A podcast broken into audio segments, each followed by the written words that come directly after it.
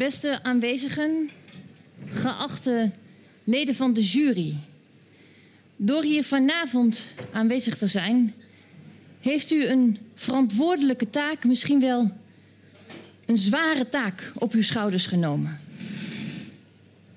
Misschien bent u zich er nog niet van bewust, maar u bent vanavond al een leden van een jury.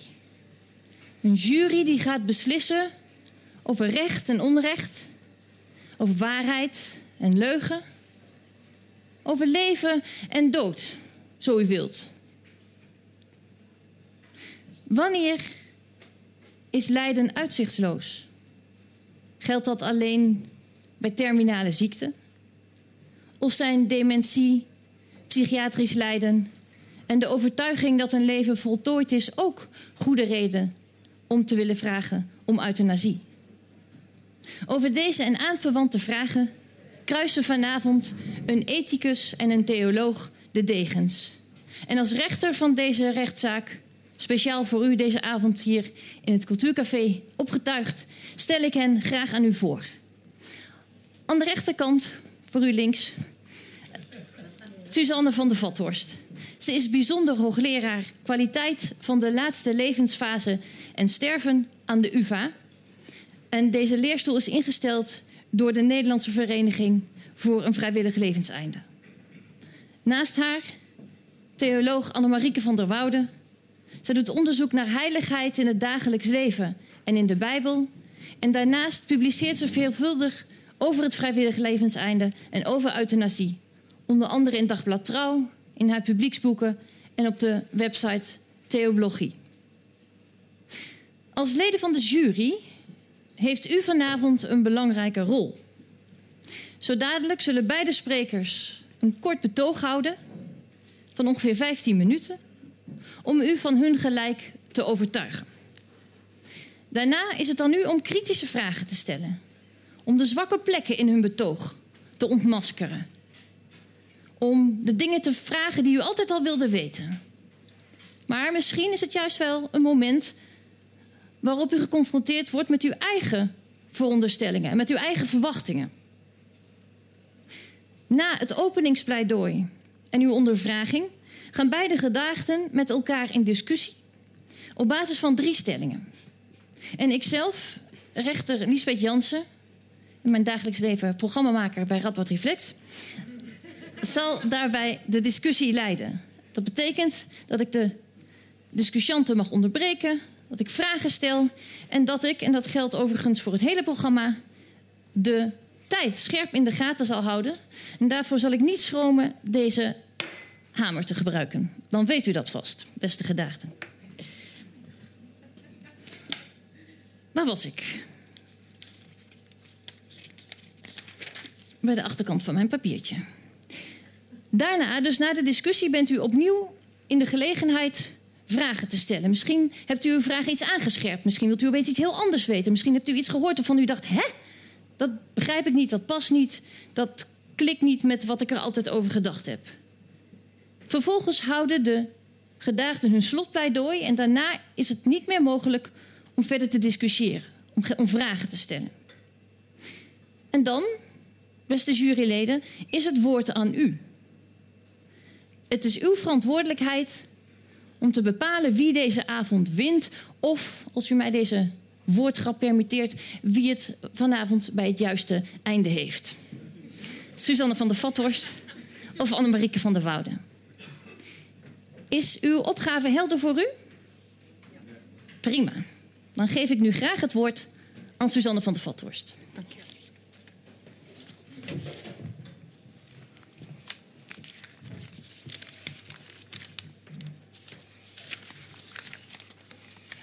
Nou, het fijn dat u allemaal de moeite heeft genomen om met dit mooie weer hier naartoe te komen en uh, ons te beoordelen. En ik zal maar meteen met de deur in huis vallen. In 2018 ontvingen de toetsingscommissies euthanasie 6126 meldingen van euthanasie. Dat betekent dat er 6126 keer de volgende procedure is gevolgd. De patiënt heeft zijn of haar arts een verzoek om euthanasie gedaan. De arts heeft dat verzoek met de patiënt besproken. In deze gesprekken is de arts tot de overtuiging gekomen dat het verzoek vrijwillig en wil overwogen was. En ook dat er sprake was van uitzichtloos en ondraaglijk lijden. Ook heeft de arts zich ervan vergewist dat de patiënt op de hoogte was van zijn ziekte en de vooruitzichten van zijn ziekte. En samen met de patiënt heeft de arts geconstateerd dat er echt geen redelijke andere oplossing was om het lijden te verlichten. Toen de arts het allemaal gedaan had, heeft hij een eh, andere, onafhankelijke arts geraadpleegd, die de patiënt heeft bezocht en naar diezelfde aspecten heeft gekeken. Dus of er wel sprake was van een vrijwillig en wel overwogen verzoek, of er sprake was van ondraaglijke uitzichtloos lijden, de mate van geïnformeerd zijn en of er echt geen andere oplossing was. Die tweede arts heeft toen een verslag geschreven uh, over zijn bezoek. En dat heeft hij naar die eerste dokter van de patiënt gestuurd. Vervolgens heeft die dokter samen met zijn patiënt een moment gekozen waarop de euthanasie zou worden uitgevoerd. De arts heeft toen eerst contact opgenomen met de apotheek. En die heeft hem de voorgeschreven de dodelijke middelen verstrekt. In de wet staat ter hand gesteld. Het, moet je um, in hand gegeven worden. Toen is de arts naar de patiënt toegegaan. En in bijna 5000 van die zes, dik uh, eh, 6000 gevallen was dat thuis. Um, en toen heeft de arts de patiënt of de dodelijke middelen gegeven, overhandigd. Dat was in 228 van die dik 6000 gevallen slechts het geval. Of die middelen toegediend, zeg maar ook bijna 6000 keer. Daarop is de patiënt overleden. En toen was dat nog niet klaar. Voor de arts van toen moest hij de gemeentelijke lijkschouwer bellen, omdat het een niet-natuurlijke dood was. En toen is de gemeentelijke lijkschouwer gekomen. Die heeft het ingevulde meldingsformulier van de arts gehad. En dat samen met het verslag van die tweede onafhankelijke arts... heeft hij dat opgestuurd naar de toetsingscommissie euthanasie. Eenmaal bij die commissies aangekomen is die melding beoordeeld... door tenminste vier mensen. Namelijk de secretaris van de commissies. Die heeft ook een conceptverslag geschreven. Um, en ook hebben een arts, een ethicus en een jurist allemaal dossier bestudeerd en besloten dat op grond van het dossier dat zij gelezen hebben, het verslag, dat er inderdaad aan de wettelijke eisen was voldaan. In zes gevallen van die 6126 in 2018 vond de commissie dat dat niet het geval was. Nou weten we niet in hoeverre er bij die 6126 gevallen er sprake was van een terminale ziekte. De Nederlandse wet um, stelt geen eis in dat soort termen. En de toetsingscommissies vermelden dat dus ook niet in hun verslag. En het is trouwens ook niet heel erg makkelijk om nou te weten wat bedoeld wordt met een terminale ziekte. Is dat nou een ziekte waar je naar alle waarschijnlijkheid aan zult overlijden? En uh, ja, dan hoort dementie toch wel in dat rijtje thuis. Of is dat de fase waarin je je bevindt van een bepaalde ziekte, waarin het overlijden op zeer korte termijn en welke termijn moet het dan zijn, verwacht wordt. En dan valt kanker er in ieder geval ook niet altijd onder. Want er zijn nog steeds mensen die genezen van kanker. En er zijn ook mensen die twintig jaar lang kanker als een chronische ziekte hebben voordat ze eraan overlijden. dus het is niet zo makkelijk om aan uh, een woord als dementie of kanker te zeggen dat is terminaal en dat is niet terminaal. Vroeger, in het begin, werd nog wel eens gevraagd um, aan de arts met hoeveel dagen of weken het leven bekort was door de euthanasie. Um, maar omdat gebleken is dat dat ontzettend moeilijk is in te schatten. We weten uit allerlei wetenschappelijk onderzoek dat artsen heel slecht zijn in het inschatten van hoe lang iemand nog te leven heeft. Um, en daarom is men daar ook echt gewoon vanaf gestapt. En het, ook omdat men vindt dat het er niet heel erg toe doet. Wat weten we verder over die 6126 meldingen? Nou, ruim 4000 keer betrof dat mensen inderdaad met kanker. En nog eens bijna 1700 meldingen betroffen mensen met ernstig hartfalen, met mensen met longfalen, met een ernstige neurologische ziekte enzovoorts. In 146 keer van die hele grote stapel betrof het mensen met dementie. En in 67 uh, keer was het iemand met een psychiatrische aandoening. Dus het allergrootste gedeelte van de uitgevoerde euthanasie is bij mensen met kanker. Het omgekeerde is echter niet waar. Het is niet zo dat uh, de meeste mensen die uh, kanker krijgen sterven door euthanasie. Kanker is een heel erg belangrijke doodsoorzaak. Het is gewoon de belangrijkste doodsoorzaak in Nederland. Het heeft een paar jaar geleden hart- en vaatziekten ingehaald als doodsoorzaak nummer één. Um, en we weten dat ongeveer 85% van de mensen die uiteindelijk aan hun kanker sterven, niet door euthanasie sterven. Er is ook nog onderzoek gedaan, bijvoorbeeld bij mensen met ALS. En daarvan weten we dat van de mensen die kort na de diagnose met hun huisarts gingen praten over de optie van euthanasie. Nou is ALS echt een soort ziekte waarbij je kan voorstellen dat, uit, dat, je, dat, dat je dat op de een of andere manier wil regelen. Um, van al die mensen die dat hebben besproken met hun huisarts, overlijdt uiteindelijk één op de drie door euthanasie. En twee op de drie, zelfs bij ALS, dus niet. Zelfs als we er rekening mee houden dat er veel meer verzoeken zijn dan uitgevoerde gevallen, hè, niet alle verzoeken worden gehonoreerd, betekent het toch dat de meerderheid van mensen met een bepaalde aandoening, waaraan ze uiteindelijk zullen overlijden, niet om euthanasie vraagt. Kennelijk is het niet de ziekte die bepaalt of mensen om euthanasie gaan vragen. Uiteindelijk. Hè? Ik heb het niet over bespreken voor het geval dat op een langere termijn, maar echt om concreet verzoek op korte termijn. Waarom vragen mensen dan wel om euthanasie? Nou, onderzoek laat zien dat het vooral gaat om de mate waarin ze hun lijden als nutteloos en uitzichtloos ervaren. Lijden op zich is best vol te houden. Uh, zeker als je weet dat het zal verminderen of stoppen. Of als je weet dat het een bepaald doel dient. Uh, denk aan een bevalling, dat doet echt, echt pijn. Maar omdat je weet waarvoor het is en omdat je ook weet dat het op een gegeven moment wel ophoudt, is dat wel vol te houden vaak. Als je weeën zou hebben zonder dat je weet dat het ooit ophield en ook niet uh, zou weten dat dat zou leiden tot een geboorte, dan zou dat enorm aan de pijn toevoegen.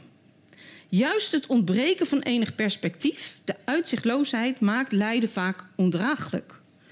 Um, en dat perspectief ontbreekt vaak bij ernstige ziektes zoals uitgezaaide kanker, ernstig hartfalen, ernstig longfalen of ALS. Maar het kan ook ontbreken bij ziektes zoals dementie of bij mensen met een langdurige ernstige psychiatrische ziekte. Soms is er gewoon geen uitzicht meer op een moment dat het wel weer goed komt of zelfs maar een beetje beter zal worden. Er is alleen maar uitzicht op verdere achteruitgang, uitzicht op meer verlies van al die dingen die het leven waardevol kunnen maken. En dat kunnen simpele dingen zijn hoor. Genieten van de zon, de bloemen, de vogels. Contact met je naasten, luisteren naar muziek. Maar als je dat allemaal niet meer kan en je verliest het achter elkaar, dan is die opeenstapeling van verlies soms zo erg dat er gewoon geen smaakmaker meer aan het leven zit. En dan verlangen mensen naar de dood. Soms zijn mensen zo moe dat ze zich helemaal niet meer kunnen concentreren op een boek of een film. Of zo moe dat ze ook de aanwezigheid van hun kinderen of hun kleinkinderen niet meer verdragen. En dan zijn ze vervolgens weer heel verdrietig daarover, over hun eigen onvermogen. En hun dagen duren dan eindeloos omdat er geen kleur meer aan zit. En het allerergste daarbij is dat je niet het perspectief hebt dat het morgen, overmorgen, volgende week beter zal gaan. En dat is ondraaglijk lijden. Het is niet voor niets dat de ondraaglijkheid van het lijden een belangrijk criterium is in onze wet. Juist voor mensen die ernstig lijden zonder een terminale ziekte is dat lijden dan ondraaglijk en uitzichtloos. Zonder een vooruitzicht op verlossing door de dood is euthanasie dan soms de enige manier om niet langer te hoeven lijden. Cru gezegd, hè, ik chargeer hier even, maar de ernstig lijdende kankerpatiënt in de laatste fase van zijn ziekte overlijdt echt wel gewoon binnen afzienbare tijd. Die zou misschien geen euthanasie hoeven. Maar iemand die ondraaglijk lijdt zonder dat de dood in zicht is, ja, die heeft gewoon echt geen andere keuze. En daarbij heb ik het tot nu toe gehad hè, over de arts en de patiënt. Niet over familie naast de patiënt en de arts. We weten dat weten we wel, dat in verreweg de meeste gevallen de familie, en ik bedoel dit woord even in hele ruime zin, hè, naast de mensen die vertrouwd en betrokken zijn bij de patiënt, dat de familie betrokken is bij besluitvorming rond euthanasie. De meeste gevallen, zei het al, worden thuis uitgevoerd. Dikke twee derde. Dat kan praktisch gezien vaak helemaal niet zonder de familie. En die familie is er zich vaak ook als geen ander van bewust hoe ernstig hun familielid lijdt. Maar voor de familie is er natuurlijk een heel groot dilemma. Want als het lijden alleen door de dood gestopt kan worden, dan stopt het lijden, maar ook het leven. En soms zeggen mensen dan: Ik vind het verschrikkelijk. Ik, ik mis mijn geliefde, maar ik ben blij voor hem of haar. Ik mis, maar ik ben voor hem of haar blij dat het gestopt is. En anderen zeggen: Ik wil hem of haar gewoon niet kwijt. Kan die het niet nog even volhouden voor mij? En er zullen ook mensen zijn die de ene dag het een denken en de andere dag het ander. Want het is een dilemma. En dat betekent dat er geen goede oplossing is. Het is verschrikkelijk om iemand van wie je houdt te verliezen. En het is ook verschrikkelijk om iemand van wie je houdt te zien lijden. Mensen gaan heel verschillend met zo'n dilemma om. Maar leuk, fijn of luchtig is het nooit. Is het dan nog erger als je geliefde kiest voor de dood? Voor sommigen zal dat zo zijn. Die zullen zich afgewezen voelen. Ben ik dan niet genoeg reden om te blijven leven? En anderen zullen denken: het is rot voor mij, maar ik ben blij voor jou. Ik heb ouders van psychiatrische patiënten gesproken die liever hadden gehad dat hun kind gehoor had gevonden voor zijn doodswens. Juist uit liefde voor hun kind. En dat is precies dezelfde reden dat soms ouders van pasgeborenen met hele ernstig aangeboren afwijkingen kiezen voor het staken van behandeling niet omdat ze van een kind af willen, maar omdat ze hun kind het lijden dat het kind met aan zekerheid grenzende waarschijnlijkheid te wachten staat, niet willen aandoen. Uit liefde voor die ander dus. Artsen die euthanasie uitvoeren weten van deze dilemma's, want die ervaren ze zelf ook. Verreweg de meesten zullen bij de gesprekken die ze voeren um, onderweg naar de euthanasie ook met familie gesproken hebben en het hebben meegewogen en waarschijnlijk zelfs expliciet met de patiënt hebben besproken. Uw vrouw heeft er moeite mee, meneer. Wat vindt u daar nou van? Maar uiteindelijk zijn die dokters er dan voor hun patiënt. En eerlijk gezegd, gelukkig maar. Ik moet er niet aan denken dat de beslissing of ik wil of geen euthanasie zou krijgen, als ik daar vanwege mijn hele ernstige lijden om vraag, als dat gaat afhangen van de vraag of iedereen in mijn familie daarmee eens kan zijn. Natuurlijk zal ik ze betrekken. Natuurlijk hoop ik dat ze erachter staan. Maar uiteindelijk, uiteindelijk is het mijn besluit. En dat moet ook, vind ik. Omdat de vraag of mijn leven voor mij nog de moeite waard is, alleen door mijzelf beantwoord kan worden en niet door iemand anders. En ik moet dan de afweging maken hoe ik de reacties en de gevolgen voor mijn familie mee wil wegen. Dat is mijn verantwoordelijkheid. En natuurlijk bestaat de mens niet zonder zijn sociale omgeving. Hè? De natuurlijke omgeving van de mens is de medemens. Maar de ultieme vraag om de dood mag alleen door de persoon zelf uitgesproken worden. En alleen het verzoek van de patiënt zelf mag leiden tot de uitvoering van euthanasie door een arts. Hard gezegd, als de familie het er niet mee eens is, hebben ze pech. En pech bestaat. Leven en dood zijn niet helemaal maakbaar en niet alle narigheid is te voorkomen. Niet alle euthanasie kan in harmonie met de familie worden uitgevoerd. Eenvoudigweg omdat niet alle families in harmonie met elkaar leven. Ik wil u graag uitnodigen om weer hier plaats te nemen. En dan is het woord aan mevrouw van der Woude. Geachte leden van de jury, hooggeachte rechter. Ik begin met een verhaal. Opgetekend uit de mond van een vrijwilliger die mensen thuis bezoekt, meestal oude mensen. En ze vertelt Meneer is pas verhuisd naar een mooi appartement in een zorgcentrum, want thuis ging het niet langer. Daar trof de zuster hem s'avonds aan in dezelfde stoel als waarin ze hem ochtends had achtergelaten. Eten vergat hij. Zijn dochter woont een paar honderd kilometer verderop. Ze bezoekt haar vader regelmatig en ze doet wat ze kan. Als ik langskom, vertelt de vrijwilliger, als ik langskom, dan zit meneer op de bank. Nou ja, zitten kun je het eigenlijk niet noemen. Hij hangt omdat hij erge pijn heeft in zijn rug. Een vol glas water staat op het tafeltje naast hem. Aan het pillendoosje kan ik zien dat hij vanochtend zijn medicijnen niet genomen heeft. En hij kijkt naar een tenniswedstrijd op tv. Ik zet een kopje thee. Hij drinkt het gulzig op, alsof hij is uitgedroogd. En de koekjes die gaan één voor één naar binnen. Hij zegt dat hij dit niet meer wil. Maar wat dan, vraag ik voorzichtig. Euthanasie, zegt hij. En daarover wil hij praten met zijn huisarts. Maar zijn dochter, die mag van niets weten. Dat drukt hij me op het hart. Een portret van een hoogbejaarde man die de regie over zijn leven totaal is kwijtgeraakt. Hij is niet terminaal ziek. Hij heeft misschien zelfs nog wel een aantal jaar te leven. Maar van hem hoeft het niet langer. Hij speelt met de gedachte aan euthanasie. Zijn lijden ervaart hij als ondraaglijk, uitzichtloos. Dat spreekt uit alles. Stel dat er een zogenaamde voltooid levenwet komt.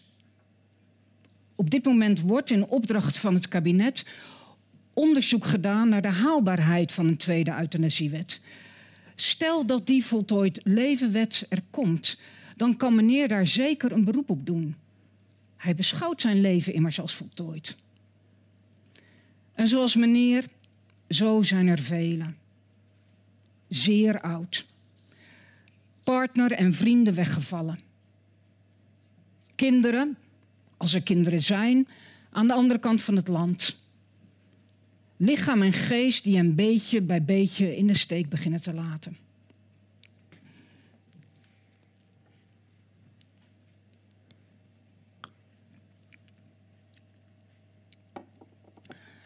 De stelling die ik vanavond zal verdedigen is de volgende.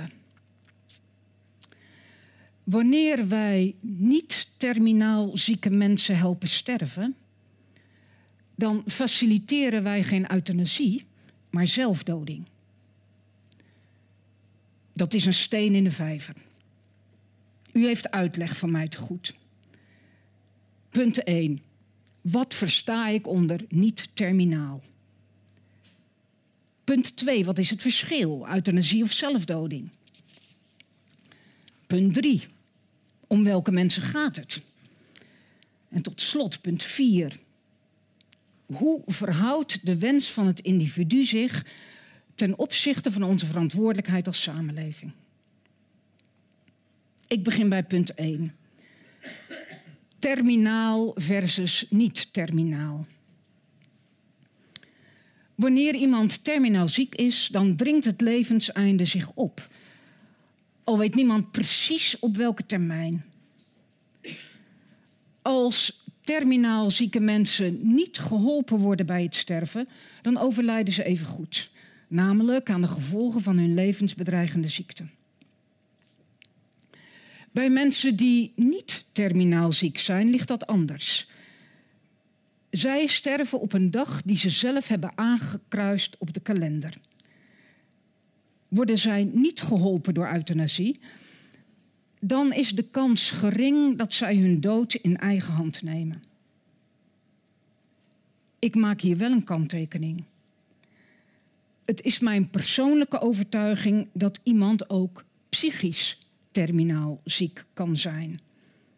En daarmee bedoel ik, iemand gaat zo ernstig gebukt onder psychisch lijden dat de kans aanwezig is dat de persoon zelf zijn leven beëindigen zal als hij of zij niet geholpen wordt bij het sterven. Dat noem ik psychisch terminaal ziek. Ik pleit ervoor om de term euthanasie te reserveren voor die gevallen van overlijden waarbij iemand terminaal ziek is en bij het sterven wordt geholpen door een arts die zich houdt aan de zorgvuldigheidseisen. Gevallen van overlijden waarbij iemand niet terminaal ziek is, maar ondraaglijk lijdt onder het vooruitzicht nog verder te moeten leven, die gevallen zijn geen kwestie van euthanasie, maar van zelfdoding. Ook al is de patiënt bij die zelfdoding geassisteerd. Dat was het tweede punt naar aanleiding van mijn stelling. Waarom benadruk ik dit verschil? Om twee redenen. De ene heeft te maken met de impact van levensbeëindiging bij niet-terminaal ziek zijn op de mensen die achterblijven. De andere met de betekenis daarvan voor de samenleving. Maar ik moet eerst iets zeggen over de mensen om wie het gaat. Mijn derde punt. In de jaarverslagen van de toetsingscommissies euthanasie worden drie categorieën mensen genoemd die weliswaar niet terminaal ziek zijn, maar wel zijn gestorven voor de euthanasie. Mensen met dementie, mensen met een psychiatrische aandoening, mensen die lijden onder een stapeling van ouderdomsklachten. Meneer uit het begin van mijn verhaal valt in één of misschien zelfs wel meerdere van deze categorieën. Enkele cijfers uit de jaarverslagen. In totaal stierven vorig jaar ruim 6000 mensen door euthanasie. verreweg de meeste van hen waren terminaal ziek. Het aantal mensen dat niet terminaal ziek was, de mensen uit die drie categorieën, dat aantal zou je verwaarloosbaar klein kunnen noemen. Het gaat slechts om enkele procenten, verwaarloosbaar klein. Maar als je dat vergelijkt met tien jaar geleden, dan wordt er wel een tendens zichtbaar. Het aandeel niet-terminaal zieke mensen dat overlijdt door euthanasie, dat neemt toe. Van ruim 5% in 2009 naar een kleine 7% in 2018. Terug naar mijn stelling. Wanneer wij als samenleving mensen die niet terminaal ziek zijn helpen sterven, dan faciliteren wij geen euthanasie, maar zelfdoding. Bij mijn poging om helderheid te verkrijgen in deze complexe materie onderscheid ik drie niveaus. Micro, het individu. Meso, de mensen die achterblijven. Macro, de samenleving. Het brengt me bij het vierde punt van mijn stelling. Hoe verhoudt de wens van het individu om op een zelfgekozen moment te kunnen sterven? Hoe verhoudt zich die wens ten opzichte van de verantwoordelijkheid van de samenleving om haar burgers te behouden voor het leven? Op het niveau van het individu, die zijn leven als ondraaglijk ervaart. Op het niveau van het individu is die vraag om dat leven te beëindigen begrijpelijk, invoelbaar. Lijden heeft geen zin. Lijden is nutteloos. Waarom zou je dat verlengen? Op het microniveau van deze ene mens heb ik weinig in te brengen tegen volledige zelfbeschikking over het levenseinde. Maar op het mesoniveau, dat van de mensen die achterblijven, ken ik aarzelingen begrepen vanuit het perspectief van familie en vrienden, kan levensbeëindiging op verzoek van iemand die niet terminaal ziek is, dat kan net zo ingewikkeld zijn als zelfdoding. Men spreekt wel over gecompliceerde rouw. De nabestaanden verhouden zich namelijk niet tot het onvermijdelijke aanstaande sterven, maar ze hebben te maken met de persoonlijke keuze van iemand om wie zij gaven.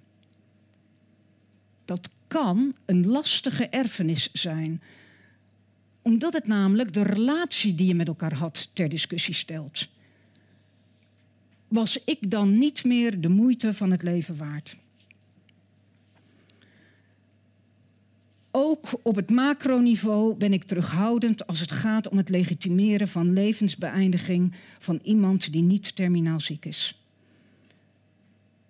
Want als samenleving bevestig je dan impliciet het oordeel van deze mensen over hun eigen bestaan. Inderdaad, ook wij vinden dat uw leven de moeite van het leven niet meer waard is. En dat vind ik persoonlijk een verschrikkelijke gedachte. De erkenning dat er waardeloze levens zouden zijn. Bovendien, en dat is een zeer prozaïsche overweging, ook op het terrein van het levenseinde creëert aanbod vraag. De komst van de levenseindekliniek in 2012 heeft geleid tot een groei van het aantal ingewikkelde verzoeken. De genoemde categorieën: dementie, psychiatrie, voltooid leven. Het loutere gegeven dat de mogelijkheid bestaat om euthanasie te vragen, terwijl je niet levensbedreigend ziek, maar wel klaar bent met het leven. Het loutere gegeven dat die mogelijkheid bestaat, verandert iets in de hoofden van mensen. Ze worden op een idee gebracht.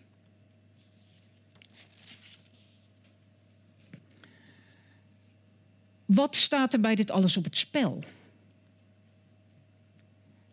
De kwaliteit van ons samenleven. Als wij in toenemende mate de wens van mensen die niet terminaal ziek zijn, maar wel hun leven willen beëindigen, als we in toenemende mate die wens inwilligen, dan verliezen wij als samenleving de vaardigheid om diegenen te ondersteunen die niet zijn opgewassen tegen het bestaan en een uitweg zoeken voor de angst om hun autonomie te verliezen.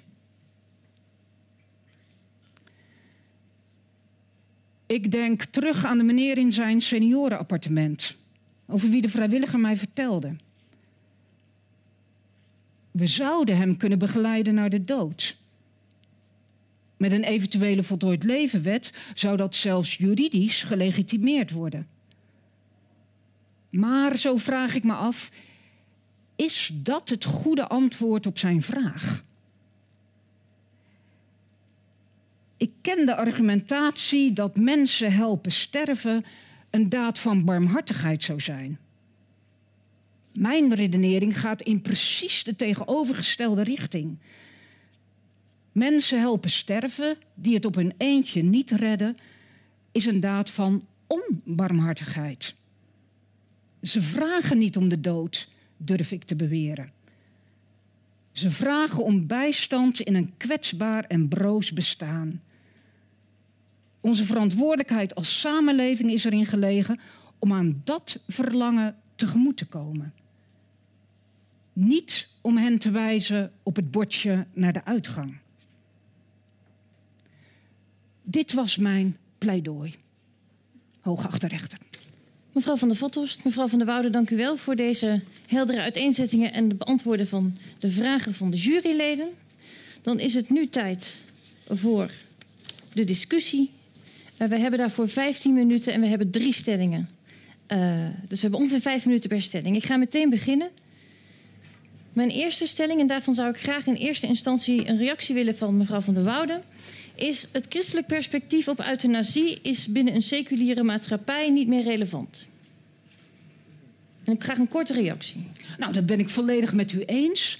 Uh, op de eerste plaats weet ik niet wat, wat ik moet verstaan onder een christelijk perspectief op euthanasie. Ik, bedoel, ik weet niet wat ik daaronder moet verstaan. Ik bedoel dat niet barinerend. Ik bedoel mm -hmm. dat heel serieus. En het tweede is dat ik het ook... Maar u bedoelt het misschien omdat de, de meningen binnen het christelijk perspectief zo uiteenlopend zijn? Of waarom zegt u, ik weet niet wat een christelijk perspectief is? Binnen de vele christelijke denominaties die er zijn in Nederland lopen inderdaad de opvattingen sterk uiteen. Dat is een punt. Maar christelijk, wat versta je eronder? Bijbels. Dan nog is de Bijbel is een bibliotheek van boeken, dus bedoel, dan is nog niet eenduidig vast te stellen. Wat, gaat het over gij zult niet doden? Gaat het over de heiligheid van het leven? Waar hebben we het dan? Dus ik vind het christelijk perspectief, ik weet niet wat ik daaronder moet verstaan. En eh, ook het tweede punt van de stelling ben ik het ook mee eens. Dat onze samenleving, onze Nederlandse samenleving, is in hoge mate geseculariseerd. Dus het heeft geen zin om. Uh, tussen aanhalingstekens christelijke argumenten in te brengen in het debat die voor de meeste mensen geen relevantie hebben. Maar zou u dan niet willen pleideren dat juist het betoog dat u zo even gehouden heeft gebaseerd is op uw achtergrond als theoloog? Dat kan ik natuurlijk niet ontkennen. dat zou zelfverloochening zijn. Nee, dat, dat klopt. Dat is natuurlijk mijn achtergrond. maar het is u misschien opgevallen dat ik niet over God heb gehad. En dat ik geen Bijbelversen heb geciteerd. En dat is met opzet. Ja. Dus zelfs ook als theoloog zegt u het christelijk perspectief is irrelevant geworden. Laat ik het daar maar bij houden, ja. Dat zou ik wel kunnen verdedigen. Dat zou ik wel kunnen verdedigen. Oké. Mevrouw van der Vathorst. Ja, ik, ik hang meer op dat laatste. Wat, wat, wat bedoelt u met relevant? Eh, eh, relevant voor de manier waarop wij onze wetgeving inrichten, denk ik. eh, ja, het is relevant in die zin dat er ruimte moet blijven. Hè? Ik zei net al, het is gelukkig niet verplicht. Ehm, er, moet ruimte blijven voor verschillende soorten op, opvattingen. Of die nou christelijk zijn, of islamitisch, of hindoeïstisch, of orthodox-joods. Dat zal mij verder een worst wezen. Die ruimte voor die perspectieven moet blijven bestaan. Dus we zullen, wat mij betreft, nooit een wetgeving moeten hebben die eh, daar heel knellend in zal worden. Mensen de ruimte ontneemt om hun godsdienst eh, te beleven op een manier die zij willen. Ehm, dus, eh, dus ik ben tegen eh, het opleggen van allerlei soorten plichten. Ja. En, da- en, en in die ruimte die ik wil, ehm, moet ook de ruimte zijn voor alle verschillende godsdienstige opvattingen als mensen daaraan hechten. Maar bedoelt u dan dat wat mensen voor hun eigen leven willen, dat moeten ze dan zelf maar weten? Ja. Zolang ze zich maar niet bemoeien met de beslissingen en de levens van anderen en ja, de maatschappelijke. dus, dus, dus daar maak ik wel een onderscheid. Je mag er best wat over zeggen, maar je mag het niet opleggen. Hè? Dus ik, ik ben ervoor dat je met elkaar praat en in debat bent en, en met elkaar eh, probeert te overtuigen van argumenten. Ja. Maar je mag niet opleggen aan andere mensen. Hè? Dus Ja. ik, ik ik zeg niet hou je mond en, en zwijg en Ja. laat me je argumenten niet eens horen, want die komen daar vandaan. Nee, breng ze in het debat. Alleen ja, leg het niet zonder meer aan anderen op. Nee. Wilt u daar nog op reageren? Ehm, Je mag best christelijk zijn of hindoeïstisch of, of joods of wat dan ook. Maar eh, eh, niet ja, over ik zeuren. voel- Ja, maar eh, dat is iets. Ik voel me enigszins ongemakkelijk omdat. ehm, nou ja, ja alsof, alsof christendom, religieus zijn een soort vreemde diersoort is. En ehm, eh, wellicht bedoelt u dat niet, waarschijnlijk bedoelt u dat niet, maar dan toch van, nou ja, die mensen, laat die mensen vooral hun ding doen, zolang ze het andere maar niet opleggen. En, en nogmaals, de christelijke wereld, als de christelijke samenleving, als je daarvan kunt spreken in Nederland, of die mensen die zich nog bekennen tot een geloofsgemeenschap, die is zo divers.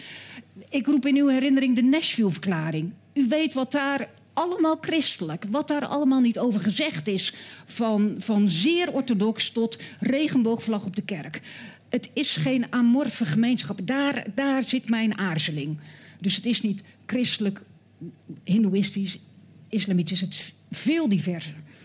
Helters. Ik voel me ongemakkelijk als mensen mij christelijk noemen. Dat is eigenlijk wat ik wil zeggen. Ik ook.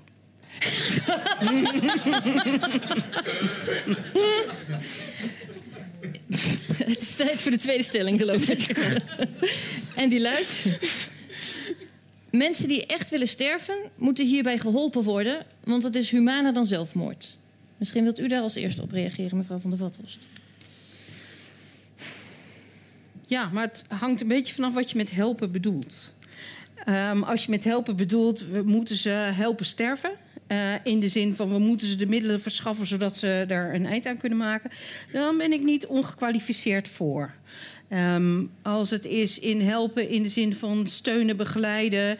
ehm, en ook als mensen het dus wel zelf dan doen. Hè? Van, eh, als je nou zegt, nou, er is geen plaats voor een dokter in dit geval, want het, eh, volstaat, het, het valt volstrekt niet binnen de euthanasiewet, maar die stervenswens is heel groot. Doe het dan zelf. Ook dan zou ik zeggen, ehm, ja, daar mag je dan wel hulp bij krijgen. Zeker hulp in de vorm van voorlichting, begeleiding, ondersteuning.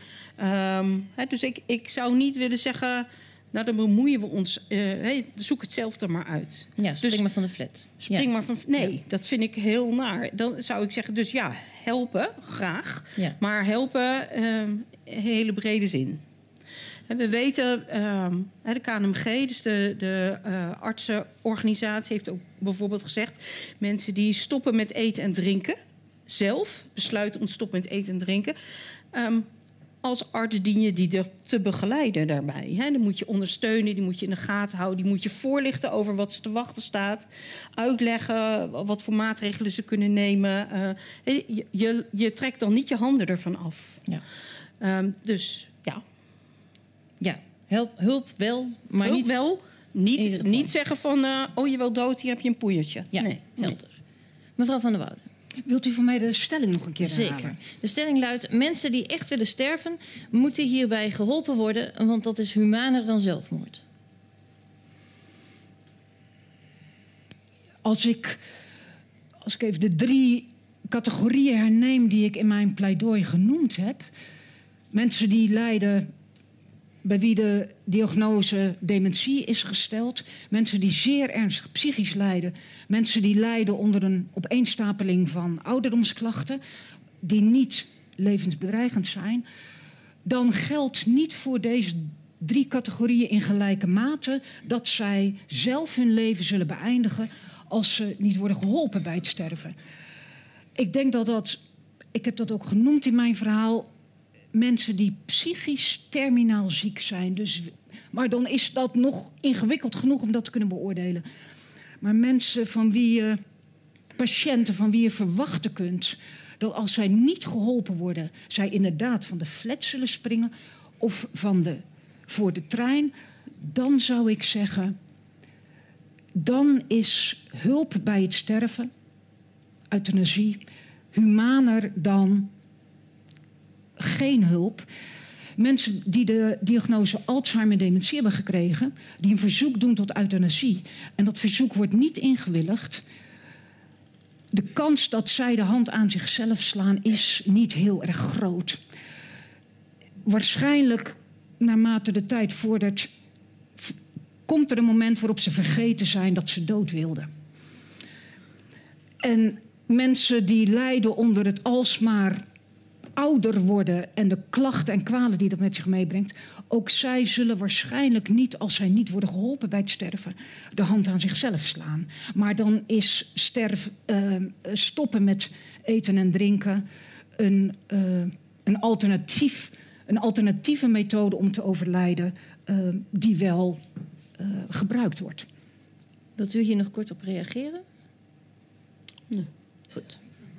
Dan gaan we over naar de laatste stelling en die luidt... door maatschappelijke druk neemt de vraag naar euthanasie toe. Mevrouw van der Woude, misschien wilt u starten?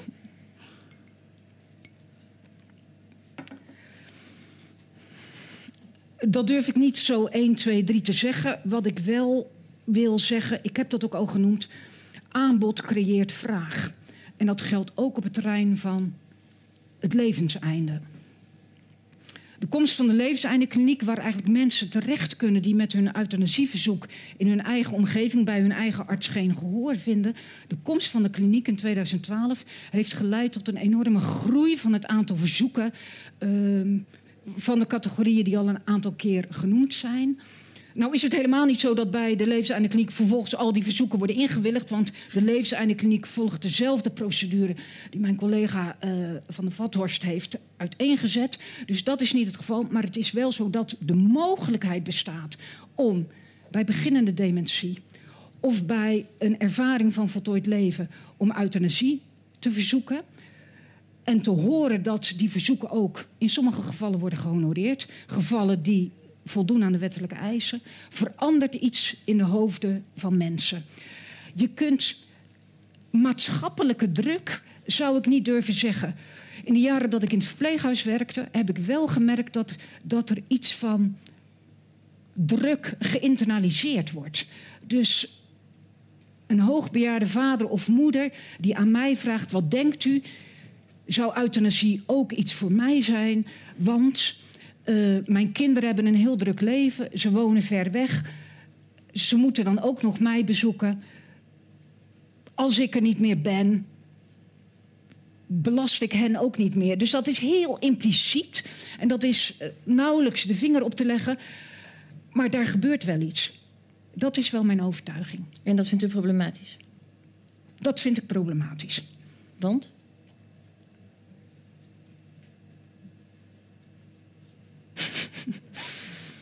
Goeie vraag. Omdat ik denk dat het verkeerde antwoord is op de vraag die deze mensen hebben. Uh, dus deze mensen kunnen hun, hun, leven zelf niet meer goed organiseren. Daar zijn ze te oud voor, te kwetsbaar voor. En zij vragen daarin om ondersteuning. En als zij, om wat zij, dat hebben mensen mij ook verteld, om wat ze lezen in de krant, om wat ze zien op televisie, of wat ze horen van andere mensen, na gaan denken over de. Eigenlijk, eigenlijk kun je zeggen, er treedt enige keuzestress op bij deze mensen. Zij worden geconfronteerd met een vraag die, zich, die mijn grootmoeder zich nooit heeft gesteld: uh, zou de dood iets voor mij zijn? Dat vind ik wel problematisch. Maar ik geloof niet dat ik uw vraag beantwoord heb. Maar goed. Het zij u vergeven omwille van de tijd. Mevrouw van der Vathorst. Ja, grappig. En mijn oma hield zich daar namelijk wel mee bezig. Die woonde in Australië en die, uh, toen was de tijd van de Drion-discussie. De Drionpil. En zij las daarover. En zij vroeg mij, uh, hoe zit dat daar in Nederland? Is er al een Drionpil? Uh, hoe kom ik daar dan aan? En uh, kun je dat voor me regelen? En ik was een heel jong studentje geneeskunde, dus ik vond het allemaal doodeng. maar ja, ik, ik dacht, ja, ik moet daar gewoon antwoord geven. Dat was een serieuze vraag. Het was een hele serieuze ja. vraag van mijn oma. Want die, die, die dacht daar dus wel degelijk over. Wat als ik nou heel oud word? En, um, en ik wil altijd in mijn eigen huis blijven. En als ik dat nou niet meer kan, ja, dan wil ik gewoon doodgaan. Uiteindelijk is dat ook gegund. Zij het op geheel natuurlijke wijze. We hebben, ze is overleden na een groot uh, oudejaarsdiner met de hele familie. En daarna was ze heel moe en is op bed gaan liggen en overleden. Dus dat is prachtig. Um, maar zij hield zich daar wel degelijk mee bezig. En ik denk dus, um, ja, aanbod creëert vraag. Ik denk dat die vraag er echt ook al wel was, vaak.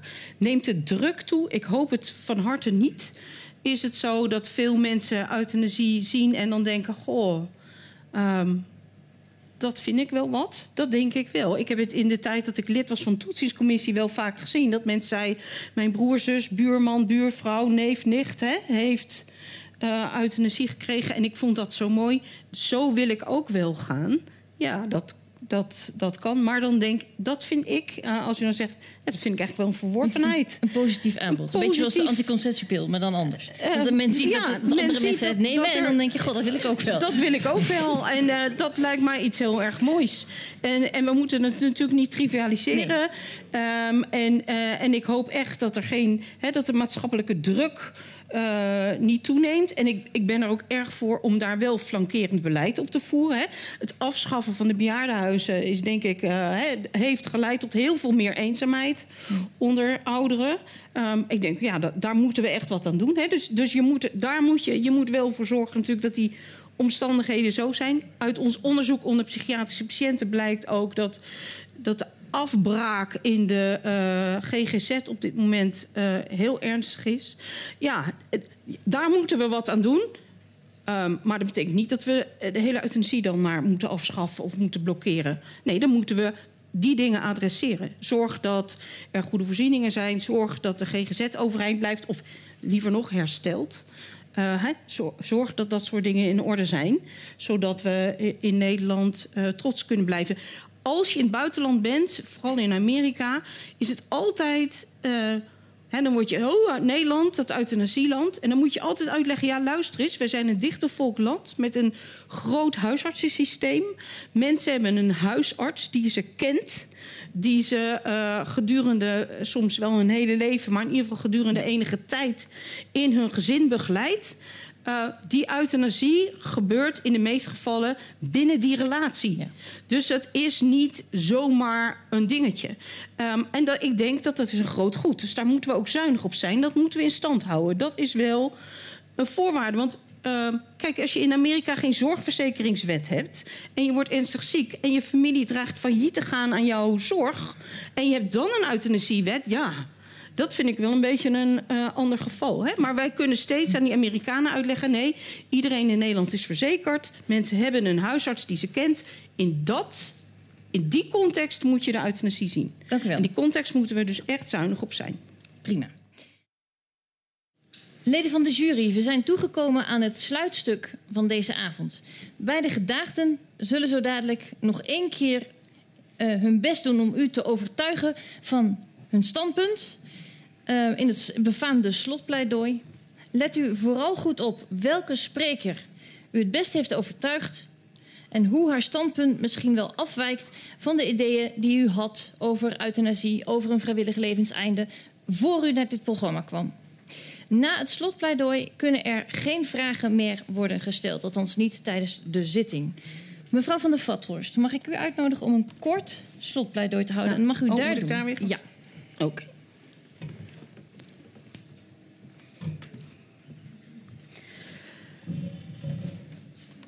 Ja, euthanasie alleen voor terminaal zieken. Ik vind het echt nog steeds een vreemde gedachte. Juist, hè, en dan blijf ik het herhalen... juist niet terminaal zieken hebben geen uitzicht op hè, die ernstig lijden... om van dat lijden af te komen. Dat, ik vind het ook erg beperkend om dat te reduceren tot de groep dementie... wat ik zelf wel als een terminale aandoening trouwens beschouw... Uh, om dat te reduceren tot dementie, voltooid leven en psychiatrische aandoeningen. Er zijn talloze mensen um, um, met ernstige ziektes. Denk aan mensen met een locked-in syndroom. Hè, mensen die totaal verlamd zijn um, en alleen nog maar een beetje kunnen bewegen. Die dan verzoek doen om euthanasie. Daar is, als dat uitzichtloos is, denk aan... Ik heb het zelf meegemaakt, mensen in ons ziekenhuis met ernstige neurofibromatose. Die hebben overal zwellingen, die hebben overal pijn. Um, er is geen vooruitzicht op verbetering. Ja, moet je dan zeggen, ja, sorry, u heeft geen terminale aandoening. Ik vind dat te ver gaan. Dus ik vind dat een te grote beperking. En ook niet nodig. Helder. Mevrouw van der Wouden.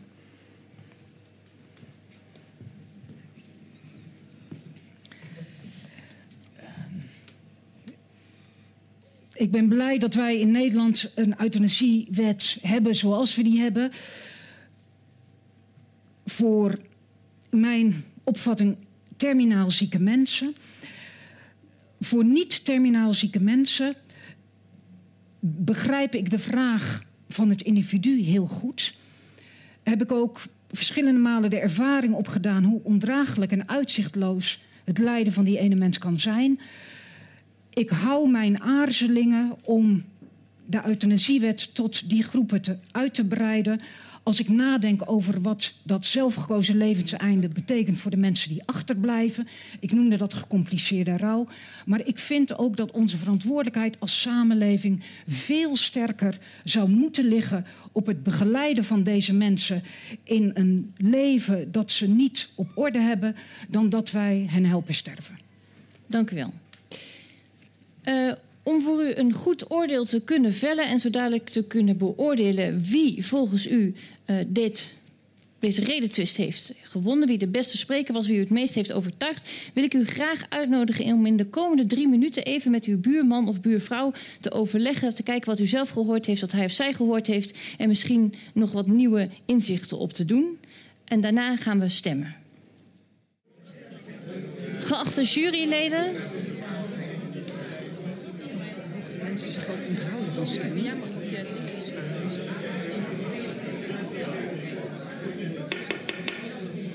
Geachte juryleden, verband met de tijd wil ik uw beraad graag onderbreken. Het moment is gekomen voor u om te stemmen. En mijn, uh, ik weet niet meer, een van mijn gedaagden wees me er zojuist terecht op dat u uiteraard ook niet kunt stemmen. Dus u mag u ook van stemming onthouden. Desalniettemin wil ik u graag uitnodigen om uw hand op te steken als u vond dat mevrouw van der Vothorst deze redetwist uh, heeft gewonnen. Dat zij u het meest overtuigd heeft. 1, 2, 3. Ik ga even heel snel tellen. Dank u wel. En wie heeft vindt dat mevrouw van der Woude deze redetwist heeft gewonnen en u het meest heeft overtuigd. Dank u wel, leden van de jury. Hiermee concludeer ik dat de. Onthouden van stemming. Oh, oké, okay, kunnen we doen. Wie heeft niet gestemd?